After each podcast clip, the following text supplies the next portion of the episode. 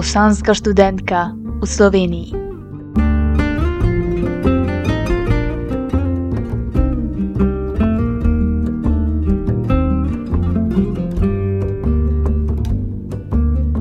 Pojla družba. Prišel je konec poletja. Vroči dnevi, morje, sončanje in mi v Bosni rečemo rahatluk, so za nami. Rahatluk pomeni spokojnost, mir v duši, zadovoljstvo. Pomeni srečo, ko nimaš ničesar, kar te tišči v duši in te bremeni. In ja, vem, da obstajajo tisti, ki so pomislili na rahatluku. Gre za sladico, ki jo postrežejo z bosansko kavo. Ampak jaz govorim o rahatluku kot občutku. Zuko Džumhur, bosanski potopisec, je rekel: Pri nas v Bosni obstaja beseda, ki je odgovor na vsa vprašanja o tem, kaj človeka osrečuje. To je rahatluk. Lahko imaš milijone, ampak če v duši nimaš rahatluka, je vse zaman. Medtem ko narava spreminja barve in se pripravlja na počitek, prekrita z belo mrzlo odejo, se mi pripravljamo na nove izzive. Prihaja nov začetek. Naši mali prijatelji so začeli obiskovati vrtec, večji šolo, še večji pa fakulteto. Vsak nosi svoje knjige, svoje skrbi, svoje upe in sanje. Zame je to opis jeseni. Najprej bi se vam rada zahvalila, ker poslušate moj podcast. Hvala za vso podporo in ljubezen, ki mi jo dajete. Vabim vas k poslušanju tudi ostalih podkastov in oddaj, ki jih pripravlja prizadevna ekipa Radia Eter. Pojdite na Spotify ali Apple Podcast Radia Eter. Lahko nas najdete tudi na Instagramu in TikToku. To še ni vse. Tudi ti misliš, da si nadarjen in se želiš preizkusiti v svetu podkastov. Če te zanima, kaj je na drugi strani, kako izgleda snemanje podcasta, kako ga montirati, kako ustvariti zanimivo vsebino, nas kontaktiraj in postani del kreativne ekipe Radia Eter. Lahko izpolniš prijavo na naši spletni strani ali nas kontaktiraš na mail. Zdaj gre pa za res. V tretji epizodi Bosanske študentke v Sloveniji bomo govorili o lanskih septembrskih dneh. Odločitvi za prihod v Slovenijo so sledile priprave. Danes vam bom razložila, kakšen je postopek, katere dokumente potrebujete, če prihajate iz Bosne, kaj morate pripraviti in opraviti, preden pridete. Upam, da bodo komu od vas te informacije koristile in vam bodo pomagale pri pripravi. Skuhajte si kavo in dodajte rahat lokum, se udobno namestite in uživajte v današnji epizodi polni birokracije.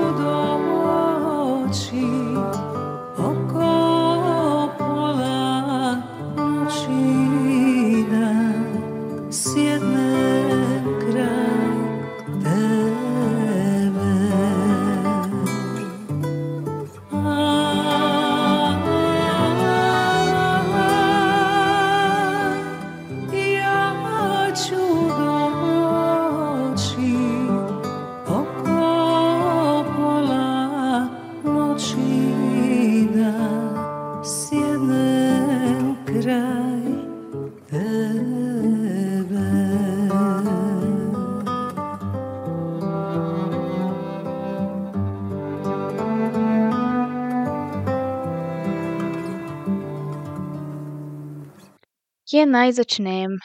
Najprej si na papir napišite vse svoje obveznosti in stvari, ki jih morate postoriti. Razvrstite jih po prioritetah in predlagam, da najprej začnete z dokumentacijo, ker vam vzame največ časa. Kdor prihaja iz Bosne, ve, kako se lahko zakomplicira. Za pridobivanje dovoljenja za bivanje v Republiki Sloveniji potrebujete potrdilo o vpisu, potrdilo iz kazenske evidence matične države, dokazilo o ustreznem zdravstvenem zavarovanju, dokazilo o zadostnih sredstvih za preživljanje, potni list, fotografijo in izpolnjen ustrezen obrazec. Na fakulteto se lahko vpišete preko spleta. Fakulteta, na katero ste sprejeti, vam bo vsa navodila poslala po elektronski pošti. Za izpolnjevanje tega obrazca boste potrebovali približno eno uro in ko boste plačali določen znesek, ste s tem delom končali. Čestitam, vpisali ste se na fakulteto. Ko prejmete potrdilo, ga natisnite v več izvodih. Potrebovali jih boste kasneje. Zdravstveno zavarovanje je odvisno od tega, iz katerega dela Bosne prihajate. V večini primerov ga imate možnost povezati z zavarovanjem, ki ga že imate v Bosni, toda kanton, torej del Bosne, iz katerega jaz prihajam, ne ponuja te možnosti. Morala sem poiskati alternativno rešitev in kar je najbolj pomembno, je, da zavarovanje krije vsaj nujne zdravstvene storitve v Republiki Sloveniji. Potem dokazilo o zadostnih sredstvih za preživljanje. Gre za izjavo, s katero se tvoji starši zavezujejo, da ti bodo vsak mesec pošiljali zakonsko določeno vsoto denarja, da boš lahko tu živel. Biti mora notarsko overjena in prevedena v slovenščino. Potrebovali boste tudi kopijo potnega lista in stran v potnem listu z žigom, torej datum zadnjega vstopa v Slovenijo. In na koncu potrdilo iz kazenske evidence matične države. Moji dogodivščini o tem prisluhnite v nadaljevanju.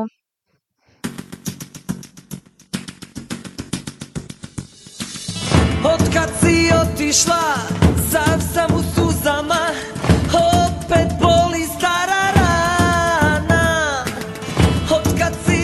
si otišla, sav sam u suzama Ti si svjetlo moga dana.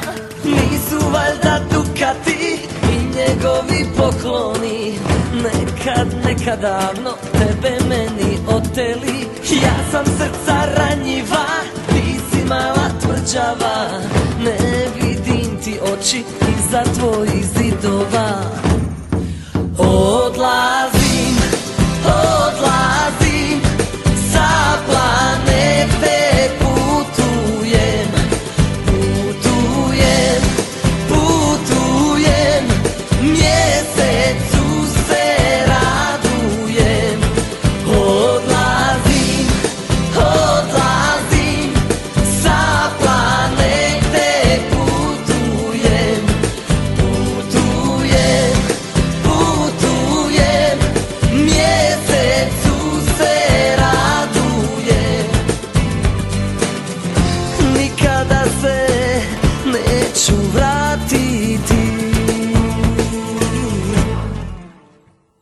Potrdilo iz kazenske evidence matične države lahko dobite na Ministrstvu za notranje zadeve. Izpolnite obrazec, plačate določen znesek in počakate pet do sedem dni. Enostavno. Najhujši in najtežji del te zgodbe je čakanje v vrsti, saj ni možnosti vnaprejšnje rezervacije termina. Po sedmih dneh sem prejela potrdilo in odšla do gospe Marije, ki dela kot sodna tolmačka za slovenski jezik. Gospa Marija je dokument prevedla v slovenščino in zadeva je bila končana. Vsaj tako se mi je zdelo. Dva dni pred odhodom v Slovenijo je oče zbral vse papirje, da bi še enkrat preveril, ali je vse v redu. Um, ni bilo. Moje ime je bilo na tem potrdilu napačno črkovano. Jaz sem Merjema in je na njem pisalo Mejrem.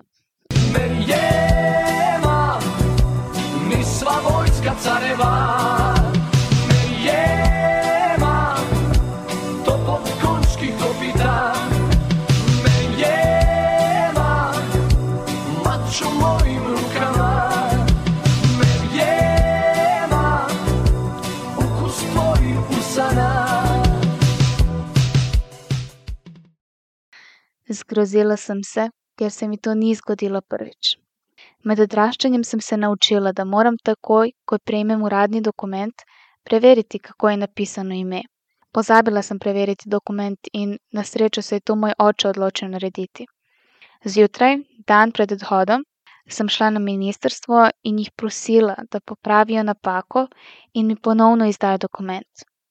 Rekli so, da moram ponovno plačati znesek in ponovno dati vlogo ter da bo to narejeno v sedmih dneh. Kot prvo, nisem imela več sedem dni, naslednji dan sem odhajala v Slovenijo. Drugič, nisem hotela znova plačevati za nekaj, ker ni bila moja napaka, temveč njihova. Oni so bili vztrajni pri svoji zahtevi, jaz pri svoji in sporekali smo se. Niso hoteli odnehati in so rekli, da je nemogoče, da bi bila ta zahteva izpolnjena v manj kot sedmih dneh. Oče je nato poklical svojega prijatelja, ki tam dela, in čez pet minut sem tam lahko prevzela potrdilo. Rekel je, da zato, ker je ministrstvo naredilo napako, klasični postopek ne velja.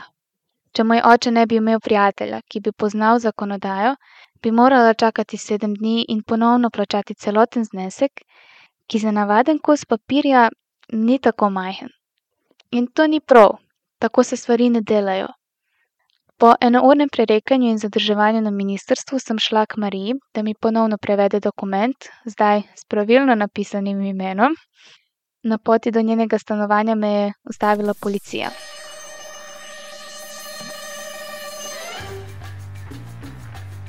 Um, napisali so mi kazen, ker sem pozabila nalepiti črko P na zadnji del avta. Znak P mora imeti nalepljen vsak avto, ki ga vozi voznik v prvih dveh letih po opravljenem vozniškem izpitu, da drugi vozniki vedo, da je začetnik. Ok, kriva sem, zaslužila sem si. Vendar sem bila jezna, da se mi je to zgodilo prav tisti dan. In ravno ko sem pomislila, da moj dan ne more biti slabši, sem prišla do stavbe, v kateri živi Marija, in ugotovila, da dvigalo ne dela.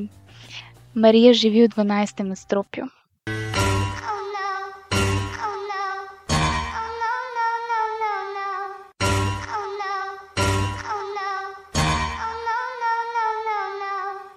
Tisti dan je bilo izjemno toplo, stena ob stopnicah je steklena, seveda ni klime. Um, ja, zelo zanimiv dan. Marija je tisti dan za kosilo kuhala juho in med prevajanjem dokumenta je juha prekipela. Seveda sem ji pomagala pospraviti, saj se je juha razlila po vsej kuhinji, Marija pa ima okoli 80 let. Ta dan bi lahko bil sam zase filmska zgodba. Napeta akcija v stilu Misija nemogoče, morda celo nov žanr, birokratska grozljivka. Ampak ja, konec dneva sem imela svoj dokument in sem bila pripravljena priti v Slovenijo.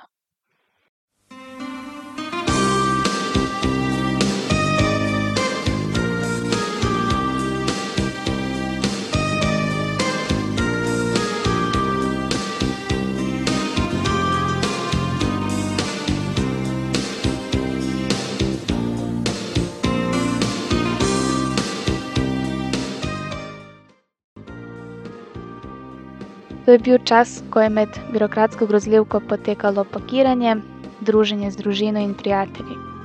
Prihajalo je slovo in bližal se je nov začetek. Otišli su drugovi, najeli se, napili, čaša prepusto, ne sme znati to, koliko smo se voleli.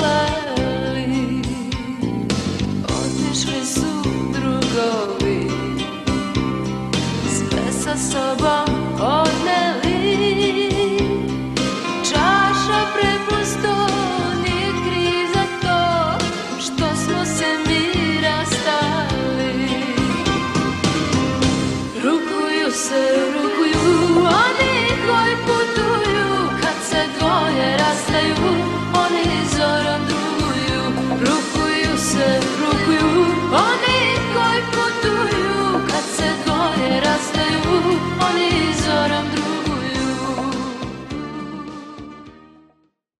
O prihodu v Slovenijo je bilo vse v redu.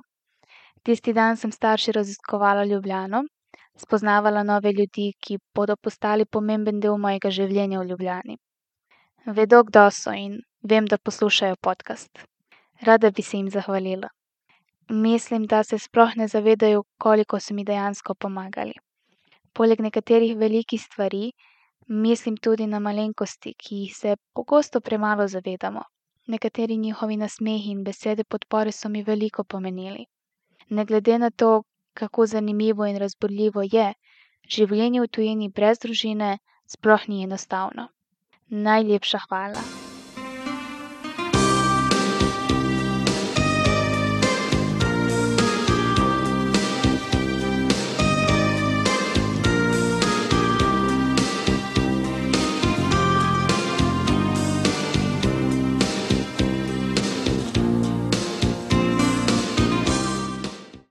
Družba, prišli smo do konca tretje oddaje. Z vami sem bila Merjema, Merjema. Ostanite z nami, kmalu nadaljujemo. Vaša bosanska študentka.